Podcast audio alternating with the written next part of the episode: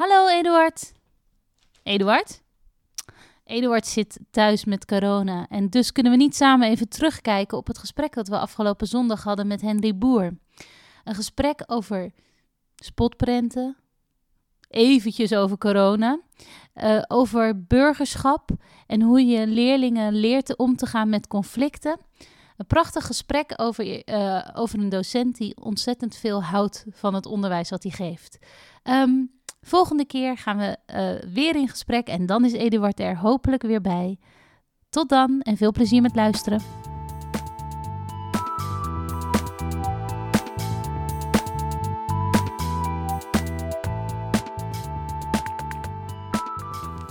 Hallo Eduard. Hey Annemarie. Hey Henry. Dag. We zitten hier vandaag um, nu op mijn slaapkamer. uh, klinkt spannender dan het is. Maar uh, zitten wij, uh, gaan wij vandaag in gesprek met Henry Boer. Docent maatschappijleer de, en maatschappijwetenschappen bij ons op school. Yes. Yes. Ja, het is wel grappig. Het is voor jou een thuiswedstrijd, maar het is voor mij ook een soort van thuiswedstrijd. En dat klinkt misschien ook raar, omdat we hier in je slaapkamer zitten. Het wordt steeds gekker. maar uh, ik fietste hier naartoe en toen dacht ik, oh ja, deze route heb ik vaak gefietst toen we uh, bezig waren met het ontwikkelen van Big History. Ja, precies. Dus uh, ook een klein beetje een thuiswedstrijd. Maar dus dat voelt fijn. Waarover vast later meer, maar eerst de vraag der vragen. Ah, ja. Dat is, nou, normaal gesproken zouden we willen vragen, wat heb je gedaan vandaag? Maar nou is vandaag zondag, dus hmm. uh, dat is dan voor de luisteraars misschien niet zo interessant. Maar wat heb je dan afgelopen vrijdag, je laatste werkdag van de vorige week, gedaan allemaal? Vrijdag uh, had ik vier lessen. En ehm, denk het uh, leukste om te vertellen, maar misschien dat we daar ook straks nog wel op komen, is uh, heb ik een, uh, onder andere een les gegeven over de spotprenten oh, en vrijheid van meningsuiting. Ja. Dat is natuurlijk zeer actueel vandaag de dag. Um, daarnaast had ik mijn 5 HAVO groep. Um, dat is ook wel leuk. Die gingen een beetje onderuit in periode 1 qua examenresultaten. Dus daar ja, moest ik eigenlijk het gesprek voeren over wat hebben we gedaan in periode 1? Hoe komt het dat, uh, dat we deze resultaten hebben uh, behaald gezamenlijk? En wat gaan we doen om het te verbeteren? En ik heb ze een klein beetje geholpen met een uh, klasopstelling. Dat werkt goed. En, um, en met de klasopstelling bedoel je, je vult namen in op een plattegrond ja. en ze moeten zo zitten. Ja, dan haal ik iedere, iedereen die uh, enigszins elkaar kan afleiden, die haal ik uit elkaar. Dus dat wordt heel strategisch naar voor de leerlingen. Mm. Um, maar uiteindelijk gaat het hen uh, wel uh, verder brengen, hoop ik.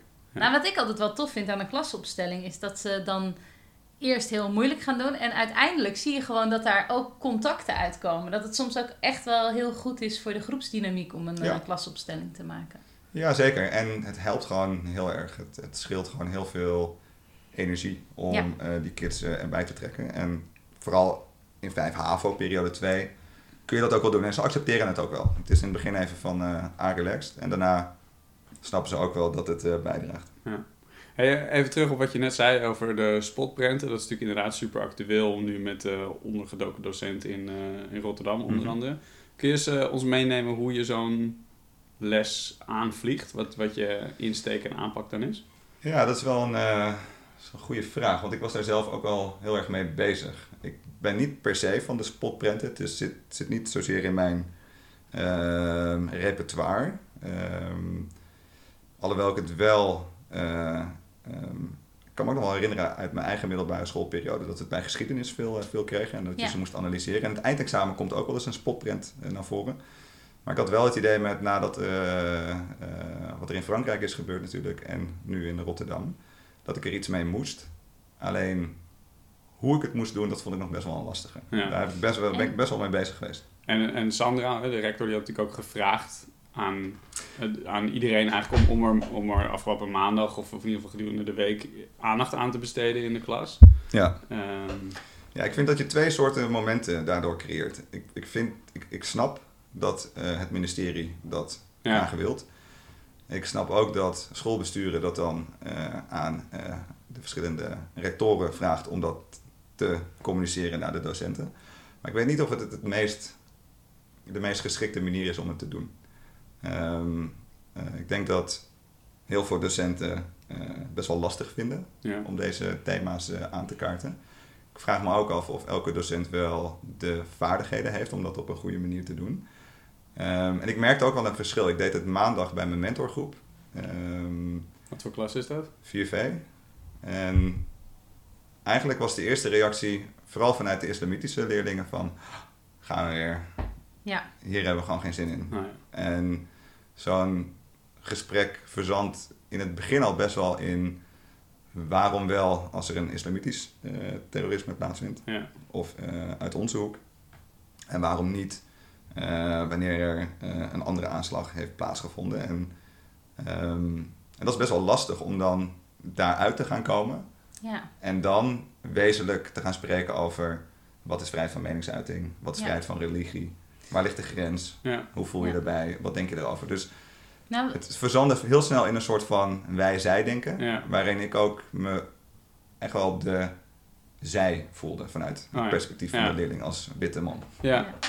Nou ja, het is denk ik ook wel. Ik heb het eh, in een eh, eh, soortgelijk gesprek eh, met mijn mentorklas, en dat is een 5 VWO-klas, hierover gehad. En toen kwamen we ook op een heel mooi iets over nabijheid.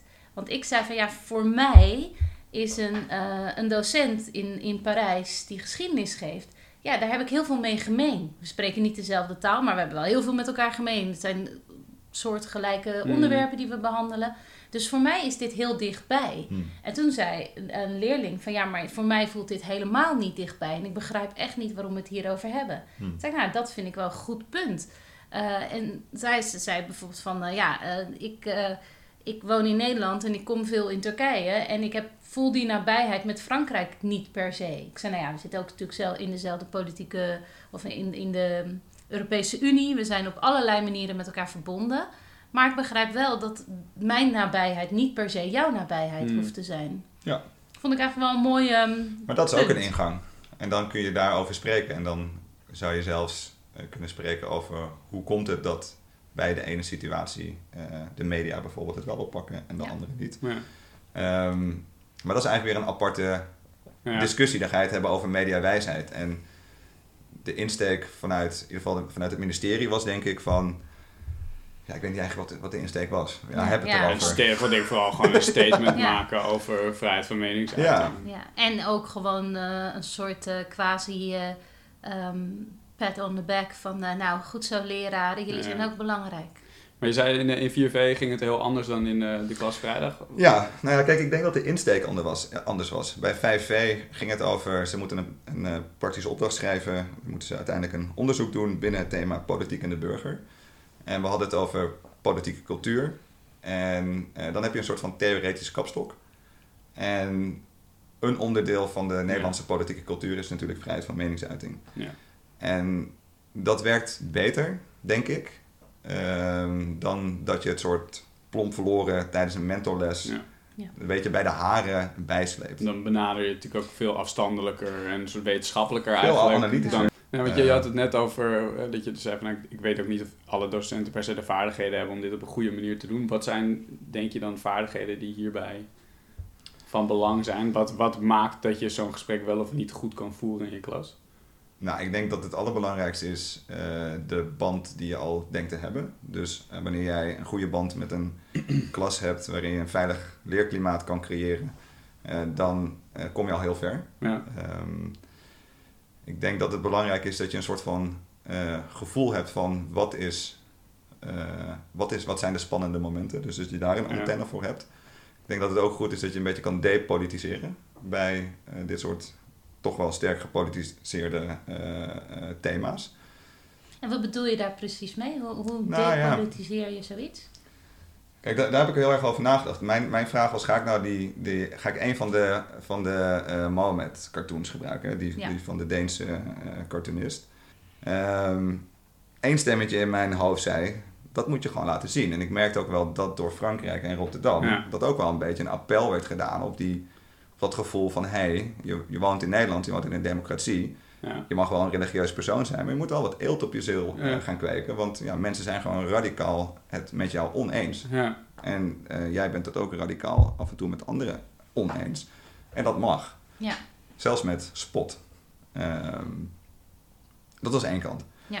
Toen was de andere kant, dacht ik, ja, weet je, dat gebeurt nu. Macron is daar, eh, is, is- gebruikt dit om een politieke boodschap eh, te verkondigen. Wilders gaat er overheen. Eh, Erdogan vanuit eh, Mm. Turkije gaat er overheen. En dat gebeurde eigenlijk allemaal in de nasleep van, van Frankrijk. Ja. Ehm, en dan wordt het wel laten zien van die cartoon. Voelt ook een beetje alsof hij daarin een standpunt inneemt. Ja. En Ja. dan is het de vraag: draagt het daadwerkelijk laten zien van die prent bij aan de discussie Ja. die je eigenlijk wil voeren over Ja. wat is vrijheid van meningsuiting? Waar houdt dat op? En waarom is het belangrijk? Ja. En, en, en, en uiteindelijk heb ik wel, ik bedoel, eh, let's be honest, ik heb wel de cartoon gedaan eh, die in het lokaal hing van die Ah, ja. Rotterdamse docent. Ja. Waarin een jihadist ehm, de eh Hebdo ja, ja. ont, ja, onthoofd. Ehm, maar ik had er ook een van Anne Frank en Hitler. Ehm, ik had er een over de katholieke kerk en eh, de seksschandalen. Ja. ik had er een over. Erdogan. Ja, het is wel goed om dan ook inderdaad, je- dan laat je wel de, de breedte van het spectrum in die zin zien. Zeker. Ja. Wat ik altijd in dit soort dingen wel belangrijk vind om te onthouden, is dat uiteindelijk degene met wie de- wij dat gesprek voeren, zijn niet volwassenen Nee. waarvan je bepaalde verwachtingen kan hebben over inderdaad dingen als de vrijheid van meningsuiting of een bepaalde soort abstract, conceptueel besef daarvan. Maar uiteindelijk gewoon kinderen en pubers die vooral heel erg bezig zijn met identiteit. En ik denk in het geval van kinderen met een islamitische achtergrond zich ehm, nou, heel snel negatief benaderd voelen. Terecht of onterecht, maar dat is wel dat is, een soort pijnplek. Zeker. Die Ja. je ook wel kan voorstellen, gezien veel dingen die er in de media rondgaan. Nou ja. En heeft het dan zin om op die pijnplek te gaan drukken als je dat ge- gesprek erover wil voeren? Nou ja, en wij hadden het natuurlijk ook nog even in de lerarenkamer over intentie. Van ja. Ja. weet je, je moet toch echt wel nadenken over... als ik dit laat zien, la- laat ik het zien omdat ik druk voel van de hele wereld om me heen... Ja. die vindt Mhm. dat ik het moet doen. Ja. Of misschien zelfs van thuis, van dat, dat soort dingen moet je niet doen. Ben je helemaal gek geworden, eh, misschien is dat wel gevaarlijk. Of blijf je bij wie jij als leraar wil zijn... en blijf je bij hetgene wat jij ze wil leren. Zeker. En ik denk als En mag dus allebei. Ja, Je mag, die, mag die prent ook gewoon, en er zijn ook collega's die dat, die dat wel doen. Ehm, maar uiteindelijk ging het, was het de vraag van, mag dat bij elke eh, eh, Ja. prent? En, en je mag wel de rafelrandjes opzoeken. Hè, want eh, ehm, ook zij komen uit een bubbel, eh, net zoals wij in een Ja. bubbel zitten. En die bubbels met elkaar laten eh, schuren, Mhm. dat is wel heel belangrijk. Ja. En ik denk het mooiste compliment na die les van, eh, van 5V was, eh, was een leerling, eh, een dame, eh, wel met een islamitische achtergrond, misschien wel even goed om erbij te zeggen. En zij zei, meester, ik heb echt hoofdpijn. Ik heb echt zo diep na moeten denken deze les. Ik heb gewoon hoofdpijn. En zei ze best wel ook een beetje met een glimlach. En dat was gewoon heel goed, want zij, zij sprak zich heel erg uit in de discussie die we elke keer hadden. Ehm, maar zij moest dat ook verantwoorden tegen leerlingen die echt daar anders over dachten. ja. Ja, en als je dat bereikt, Ja, dat in is zo'n wel veilige setting, Ja. ja. dan, dan, ja, dat is gewoon ja, fantastisch. dat is gewoon fantastisch. Dat is echt heel leuk. Hey, ehm, even heel wat anders. Ja. Toen eh, heel Nederland eh, thuis binnenkwam te zitten vanwege een lockdown, toen kreeg jij er eigenlijk niet zoveel van mee, want jij zat thuis omdat je net vader was geworden. Zeker, Ehm, ja. Dus voor jou is ei- eigenlijk die hele eerste periode van eh, onderwijs en corona is misschien wel gelukkig voor jou een beetje langs je heen gegaan. Ja. Ehm, Ja, de eerste twee, ik heb nog wel die eerste twee weken online helemaal gedaan. oh ja, ja, En daarna ging mijn start in mijn verlof. ja. Hoe is, het, hoe is het voor jou nu om, eh, om zo nu in, in deze tijd op school rond te lopen? Ben je bezig met eh, risico's of eh, gevolgen? Nee. Ik ben niet zo, ik ben niet zo bang om besmet te raken of om, om eh, dicht bij leerlingen te komen. Ehm, of dat ze langs je heen rennen en dat je denkt, oh nee, ik, ben weer te dichtbij een, een leerling geweest. Nee, dus ik, heb, ik, heb, nee, ik ben daar niet zo angstig in. Wat ik wel merk is dat de conventionele manier van doen valt weg. En dat vind ik gewoon heel raar. Ik Ja. sta altijd bij de deur, ik geef Ja. iedereen een hand. Ja. En dat vind ik een heel prettige manier van eh, binnenkomen en Even weggaan. iedereen in de ogen ja, kijken. iedereen in Ja. de ogen kijken. eh, even Ja. de, de, de boek, meneer Boersfeer in krijgen. Ja. En ook bij de, naar het buiten gaan. Even een kort eh, complimentje. Nog even, even zeggen van de volgende keer beter. Ja. Ja. Lekker gewerkt. Ja. ja, en ja. Ja, dat, Ik- dat, ja, dat soort dingen mis ik gewoon. Maar genoeg corona. Er wordt- er al genoeg... eh, of- Ja. Ja, zeker. zeker. Ja. Hey, als we nu, ehm, je bent met een aantal, je bent dus maatschappij, leer en maatschappij wetenschappen docent. Wat is het verschil tussen die twee vakken? Uh, maatschappijleer is het verplichte gedeelte. Uh, iedereen in Nederland die in de vierde zit bij HAVO en VWO volgt dat. En dan krijg je eigenlijk een beetje de grondbeginselen mee van politiek. Uh, hoe werkt een democratische rechtsstaat? Wat is cultuur? Hoe werkt het socialisatieproces? Um, en maatschappijwetenschappen is het verdiepende vak, gestoeld op voornamelijk sociologie en politicologie. Ook wel een beetje rechten, sociale psychologie zit er ook wel een beetje in. Um, en ja, daarin kun je eigenlijk verdiepend kijken naar hoe ziet de samenleving eruit. Uh, ze krijgen een theoretisch ja, soort van framework om vanuit de theorie naar de wereld om hen heen te kunnen kijken. Het is wel leuk, wat, wat uh, heel veel leerlingen vinden het echt een van de leukste vakken die ze hebben. Als het is een keuzevak natuurlijk. Bij, ja, bij... voor CNM niet. Dus voor cultuur en maatschappij is het verplicht. Oké. En voor de overige uh, profielen is het een keuzevak. En de leerlingen die ervoor kiezen, die zijn over het algemeen wel enthousiast. Ja. En we hebben net een nieuw uh, curriculum gekregen, dus we zijn uh, aan het schrijven. 6 VWO gaat voor het eerste examen doen dit jaar. Dat is, spannend. spannend. Ja. ja. En welk vak vind jij het leukst om te geven van die twee?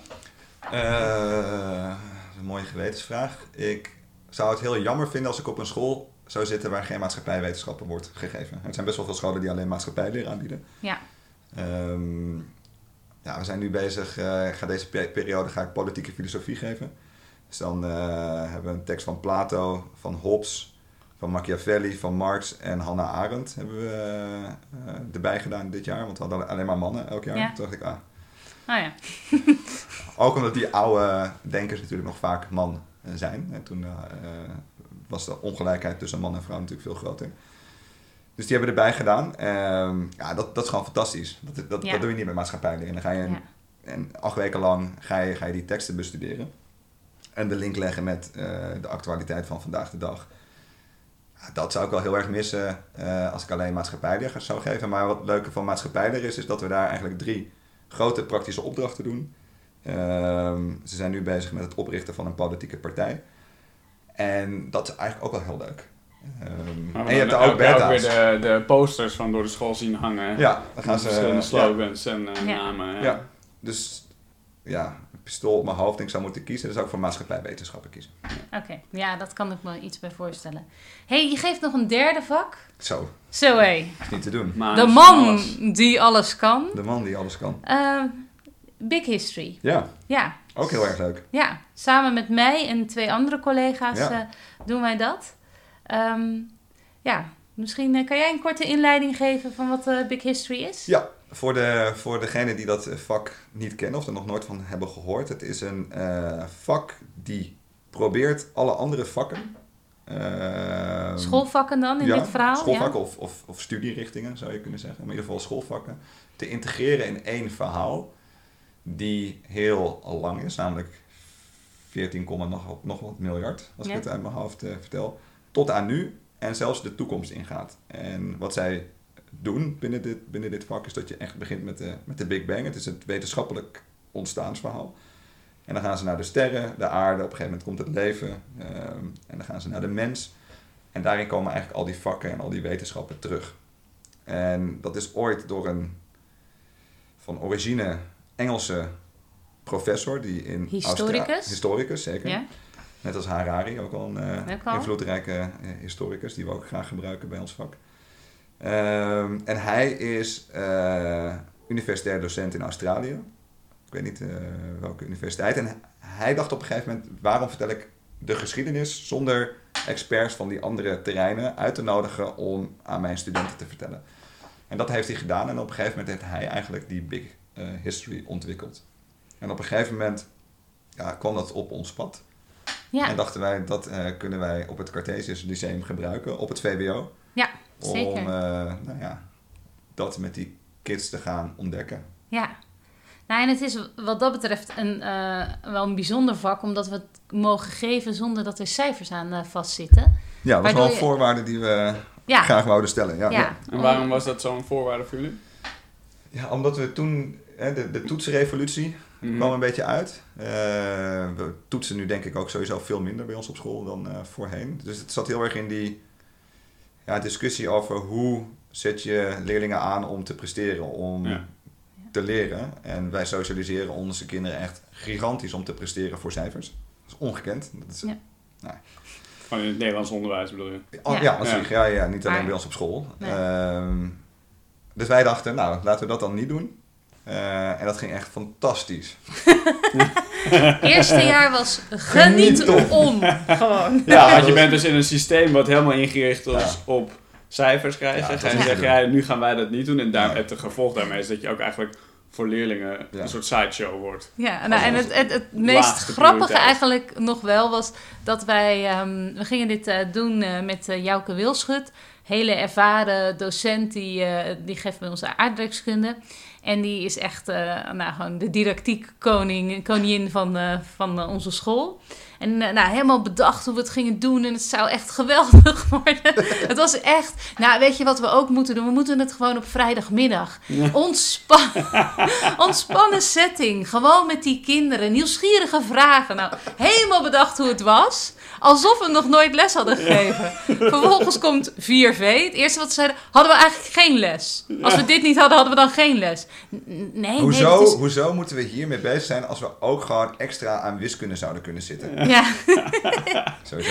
en dat gewoon een half jaar lang. Ze hebben Ja. echt eh, het onderste uit de kan gehaald om, eh Dus om wij zitten zoveel in de kern mogelijk... een beetje wat pionieren in onderwijsland is. Ja. Hè? Je komt met een waanzinnig mooi idee en dan op een gegeven moment kom je pubers tegen. En dan valt het gewoon uit elkaar. Nee. Ja. Ja, maar eigenlijk, ja, wij hebben er ook wel ontzettend om gelachen. dat we Ja, dan zeker. echt, eh, want we gingen dan eh, Nou, en altijd... het was toch dus- dusdanig succesvol dat jullie het jaar erop het niet gezegd hebben... Oké, eh, dit wordt het niet, we kappen ermee. Nee, Nee. zeker niet. Nee, en ook de, de, eh, die groep die toen in de vijfde kwam, dat ging eigenlijk ook heel soepel. Ja. Eh, toen waren ze ook een jaartje ouder. Want het wordt nu in de vijfde. In Ja, de vierde en de vijfde. ja. Dus, En eh, het tweede jaar was, nou ja, dat was eh, een dag en nacht. als docenten hebben we echt super veel plezier aan gehad om dat eh, voor te bereiden. Ja. eh, we zijn naar lezingen geweest en eh, boeken gelezen met elkaar. En hier heel veel zitten werken waar we dan steeds woester en nog beter en nog harder over nadenken hoe we het anders zouden kunnen doen. En het ja, was gewoon wel heel ehm, ontnuchterend om dit voor, de- voor het eerste jaar te geven. Ja. Toch geniet ik echt enorm van die lessen. Ondanks dat het niet per se altijd even makkelijk is. Want we komen natuurlijk bij Big History, de Big Bang, als eerste al gelijk. Ja. Komen we natuurlijk best wel bij ehm, ja, iets wat, wat, wat tegen het geloof van... eh, of in ieder geval eh, eh, wat voor sommige leerlingen Ja. in tegenspraak met hun geloof is. Met hun eigen scheppingsverhaal. En ik ben een socioloog en jij een historica. Ja, dat en is wij ook moeten in één keer gaan vreselijk. hebben over hoe atomen en eh, energie en eh, hoe dat allemaal te werk gaat. Dat Ja. vond ik, ik denk, nog lastiger dan... eh, Maar daar worden jullie dan bijgestaan door twee collega's, toch? Die daar wel... Meer van weten. Ja, vorig Ja, jaar hebben we het eh, met Evert uh, Glebeek, eh, natuurkundige. En eh, dit jaar met Paul Del- Delcourt, eh, Ja.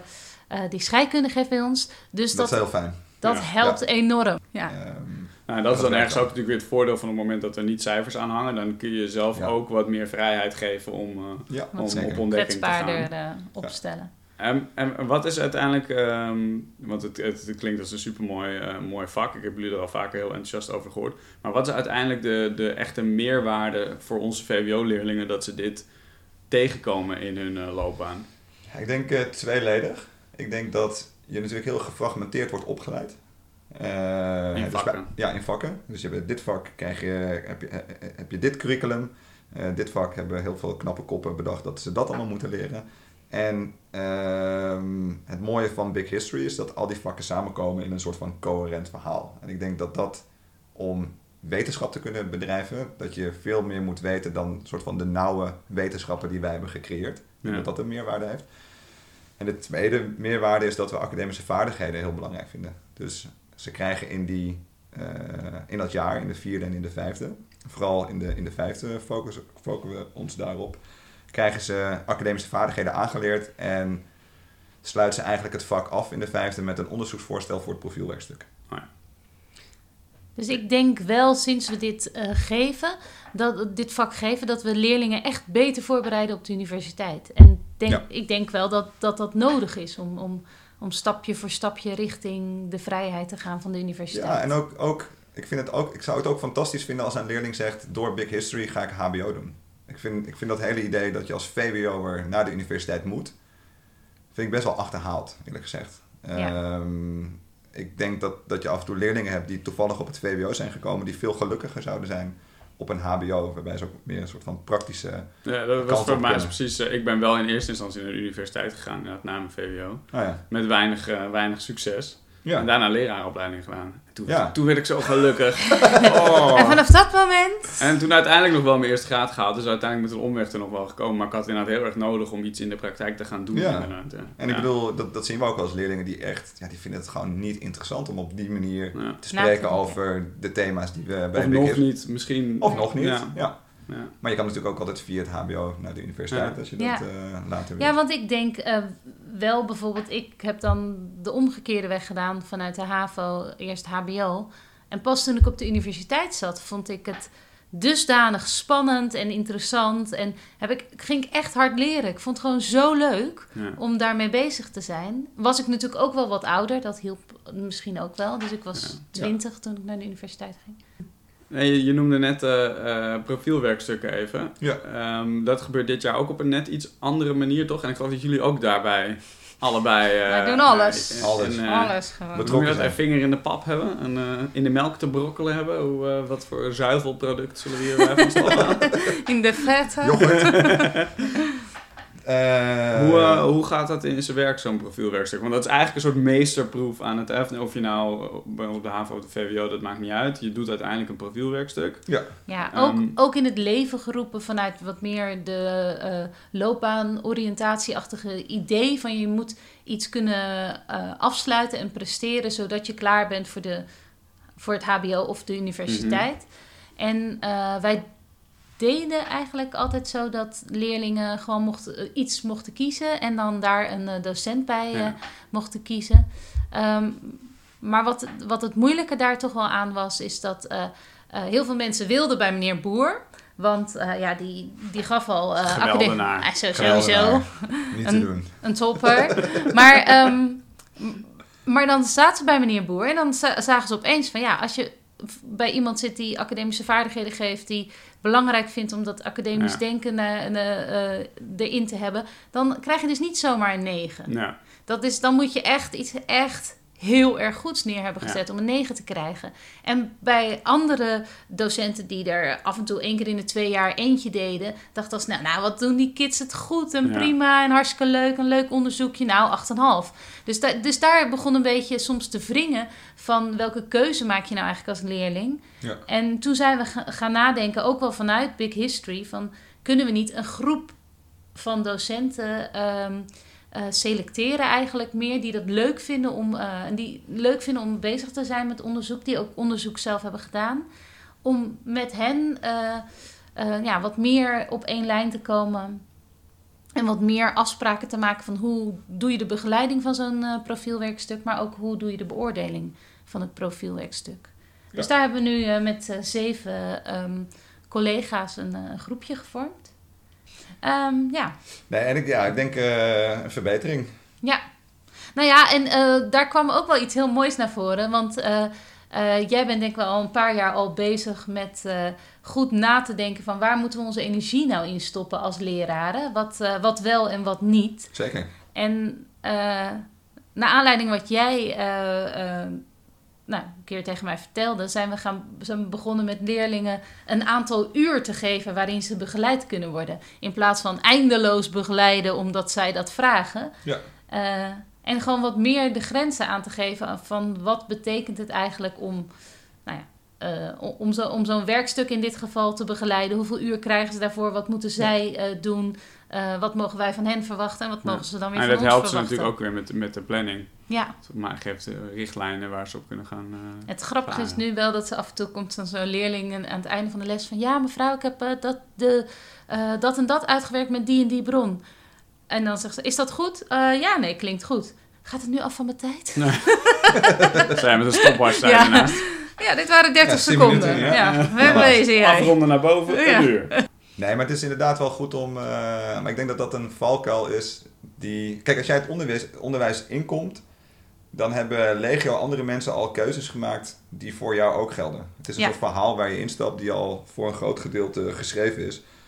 En ehm, ja, net als eh, die uren begeleiding voor een profielwerkstuk is het natuurlijk heel zinnig om na te denken als docent. Wat kan ik effectiever en slimmer aanpakken? Ik denk dat heel veel docenten gewoon doen wat, van hun, wat, wat er gevraagd wordt Ja. van de collega's die er al Zoals het werken. altijd gaat. Zoals het Ja. altijd gaat. Ja. En ik denk dat eh, daar een hele grote slag in is te slaan Ja. binnen het onderwijs. Om gewoon wat minder te doen. Ik denk dat we met z'n allen veel te veel doen. En dat kan wel wat minder. En als je het dan wel op een goede manier doet, is het denk ik voor die leerlingen prettig en voor jou als docent ook. Ja, nee, zeker. Nou, dat heeft mij eh, heel erg aan het denken gezet dat jij, eh, dat jij vertelde dat, eh, dat jullie bij maatschappijwetenschappen standaard op, bij sectieoverleggen altijd zeggen van hoe gaat het met de werkdruk en waar kunnen we Ja. verminderen? Ja, nu weer wat minder. Maar een aantal jaar geleden hebben we dat veel gedaan. En dat, dat heeft e- echt voor gezorgd dat ik nu... Kijk, het is nu zondagavond. Het is eigenlijk de dag van de Heer, zouden mijn ouders zeggen. En zondagswerk is niet sterk. Eh Zeiden ze ook altijd. Eh, Nou ja. Dus dat doe je dan ook maar niet. Dus dat doe ik ook niet. Nee, maar ik deed dat voorheen altijd. Ik werkte elke zondag. Ja. En dan vaak eh, nog Ja. twee avonden in de week. Eh, en dat doe ik niet meer. En ik denk niet dat. eh, ik denk ook dat het komt omdat je nu. Ik zit in mijn negende jaar hier. Ja. Eh, dus je kan ook echt wel eh, plukken van de vruchten van de afgelopen jaren. Ehm, maar het is ook wel interessant om, om na te denken van hoeveel doe ik extra en wat is uiteindelijk het effect op het leerrendement van Ja. die leerlingen. Ja, precies. Het is, een, het is echt wel iets waar eh, eh, leraren zich bewust van moeten eh, zijn van welke gekte heb je zelf voor gezorgd en wat... Ja. eh, Ja. en ook het idee dat meer altijd maar beter is. Dat, dat Ja. is, zit echt wel in, in het onderwijs. Ja, Hè, als we maar meer doen en meer hoofdstukken, meer opdrachten, meer toetsen, dan uiteindelijk levert dat ook meer rendement op. Terwijl... dat is niet Ja. waar. Nee. Althans, ik geloof er niet in. Nee, ik ook Nee. niet. Nee. Nee, ik ook niet. Hey, eh, een heel ander onderwerp. Ja. Waar we het ook nog heel graag over willen hebben. Jij bent eh, bij ons op school eh, eh, iets gestart wat eh, landelijk gebeurt, namelijk de jongerenrechtbank. Oh ja, ja, fantastisch. Ja, wat Ja, is dat? Hier word ik heel erg blij van. Al, alle andere dingen ook hè, natuurlijk. Maar nee, ik, eh, de jongerenrechtbank, dat zijn we... Het is nu het derde jaar dat we dat doen.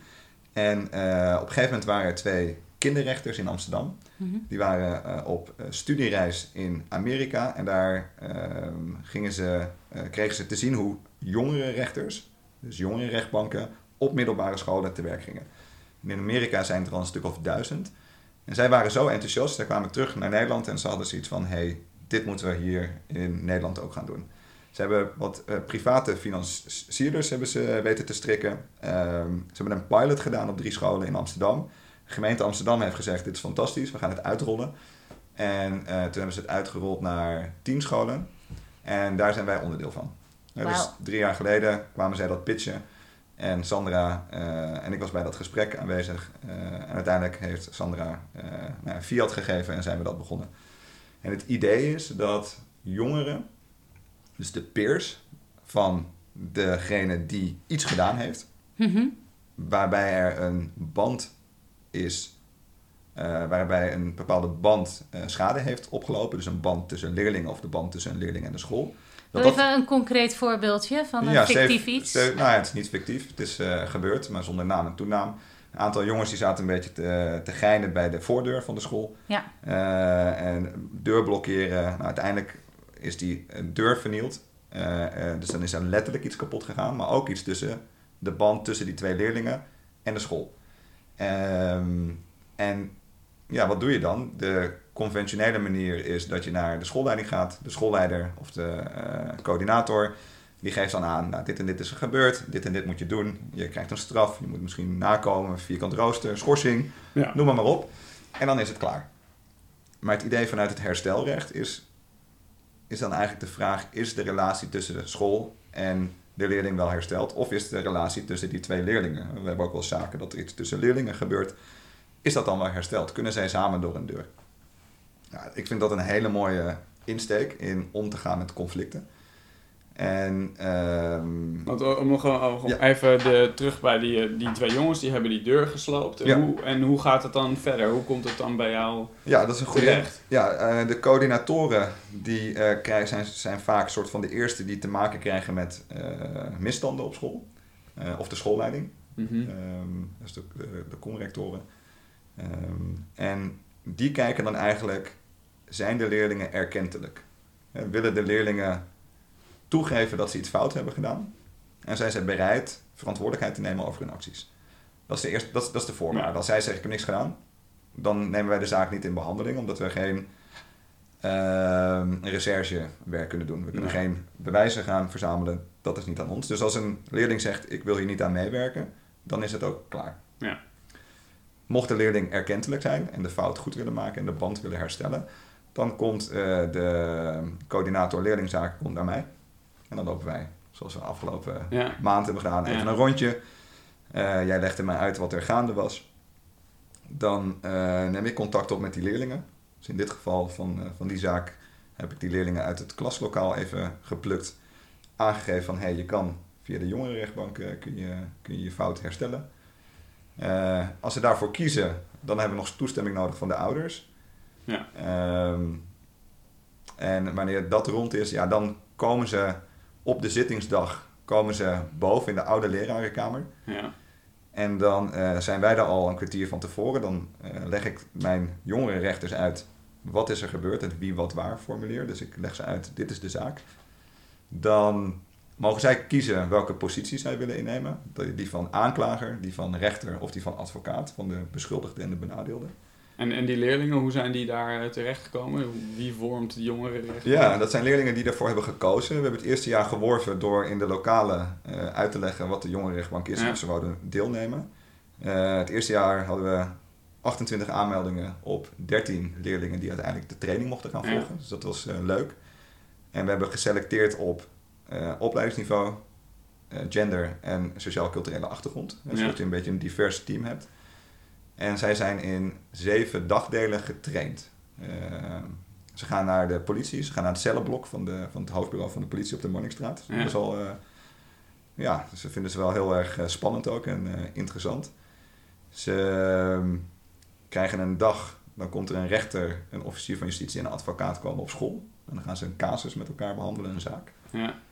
Ze krijgen les in mediation, dus hoe voer je herstelgesprekken. Ze krijgen les in hoe stel je open vragen zonder eh, dat je al eh, vooroordelen hebt over de, eh, de mensen die in je zaak zitten. Ehm, en uiteindelijk worden ze bij de rechtbank, bij de Parnassusweg, worden ze beëdigd door een echte rechter. Dan moeten ze ook een eed afleggen. Ehm, en vanaf dat moment mogen zij zaken van ons behandelen op school. En dat doen ze echt, ja, dat is, ik vind het, nou, verbaas me er nog steeds wel eens over hoe serieus zij dat doen. En eh, hoe goed zij dat kunnen. Ja. Dus wij zijn zo gewend om, dat, om daar een soort van de volwassen, de volwassene moet daarbij zijn. Ja. Dat, Ja. dat is, nou ja, dat, dat, Ja. dat is gewoon hoe we het Gelijk altijd helemaal hebben. over te nemen inderdaad. Ja. Ja. En, en zij mogen gewoon bepalen wat er gebeurt. Het herstelvoorstel, wat eruit komt, dat gaat Want dan eh, naar... weer even, die Ja. jongens hebben die deur gesloopt, die komen daar, eh, Ja. daar zitten de, de jongerenrechters. Mhm. Eh, ze Ja. krijgen een advocaat aangewezen. Ja, dus ze staan buiten, dat, buiten die ruimte. En dan hebben wij het voorwerk gedaan. De jongeren weten waar het over gaat, de jongerenrechters. Dan gaan de advocaten zoeken een plekje op waar ze de zaak kunnen voorbereiden. Daar krijgen ze ongeveer 20, 25 minuten de tijd voor. Ja. En dan komen zij binnen. En dan is eh, de voorzitter van, het is een drievoudige rechtbank, zodat de verantwoordelijkheid niet bij één rechter ligt, maar bij drie. En die opent dan. Eh, ze moeten een geheimhoudingsverklaring tekenen, de, de beschuldigde en de benadeelde. En dan gaan, we, gaan ze van start. En dan ehm, is het eerst zo dat eh, de rechter ehm, wat vragen stelt. Dan ehm, de officier of de aanklager. Dan de advocaten. En daarna komt er een herstelvoorstel. Eerst van de advocaten. Ja. Dus als beschuldigde, dus als jij iets hebt gedaan, kun je dus aangeven van als we dit en dit doen, ja, dan denk ik dat ik het kan oplossen met jou of met de Ah, ja. school. En de benadeelde, als jou iets is overkomen, ja, wat wil je dat die ander gaat doen? Ja. Zodat Ja. jij weer met diegene door één deur kan. Ja. Dan heb je de aanklager, dat is ook een hele bijzondere rol, want in heel veel zaken doen ze niet alleen elkaar iets aan, maar eigenlijk ook de gemeenschap. Ja. We hebben een keer een zaak gehad, eh, een jongen die eh, spuugde op een, een meisje. Het was niet eens bedoeld om op dat meisje te spugen, maar hij spuugde van een trap af. Ja. Nou, kwam op een meisje. Dan is daar, daar iets tussen, tussen hen is, is er iets kapot gegaan. Die Ja. relatie is kapot gegaan. Eh, die is nu weer hersteld. Ze hebben een gesprek moeten voeren. Dat, jongen, dat, dat jongetje bij dat meisje. Onder begeleiding van een van de jongerenrechters. Ja. Dus dat mediation pakken ze ook op. Nou, echt, echt gek. Eh, maar de aanklager zei, ja, maar hier, hier, dit is nog niet alles. Jij geeft ook het gevoel hier op school dat je zomaar bespuugd kan worden. Ja. En dat is heel vies. En dat is gewoon niet, niet oké en niet tof. Dus daarom moest hij ook nog Ger helpen klusjes te doen om de band met school te herstellen. Ja. Ja. Nou, Mooi. en, en, en daar zitten, dat jochie ook, die, die, die zat daar gewoon, dat is de tweede klasser.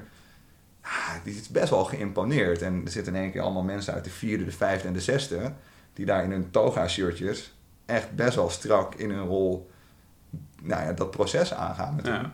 Nou, dat is wel iets anders dan, ja, sorry meneer, twee uur nakomen. Ja, gaan we En, poetsen eh, en klaar weer. Ja, Ja. Ja, wat goed zeg. Ja, van, ja, echt te gek. Kijk, dit is, dit is zo'n aanwinst voor de, voor de school. Ja. Ehm, en het wordt nu ook echt een instituut. Ik merk ook dat het bij de collega's en degenen die eh, nou, aan de poort zitten, ook Ja. de coördinatoren, dat het steeds meer op het netvlies komt. eh, zodat het ja, echt kan bijdragen aan een eh, nou, ja, toch wel een fijnere school zo. Ja.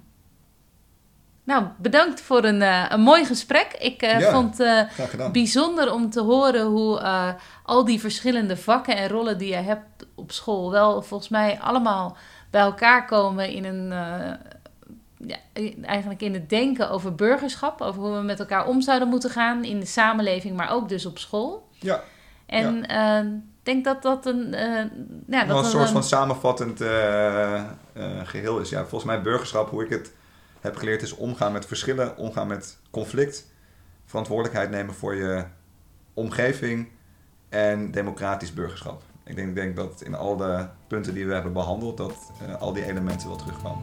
Peter van Heerlijke Burger. Dankjewel, Ja, Henry. Dankjewel. Dankjewel. Hey. Hey! Adios. Amigo. Volgende keer bij mij op de slaapkamer. Ja.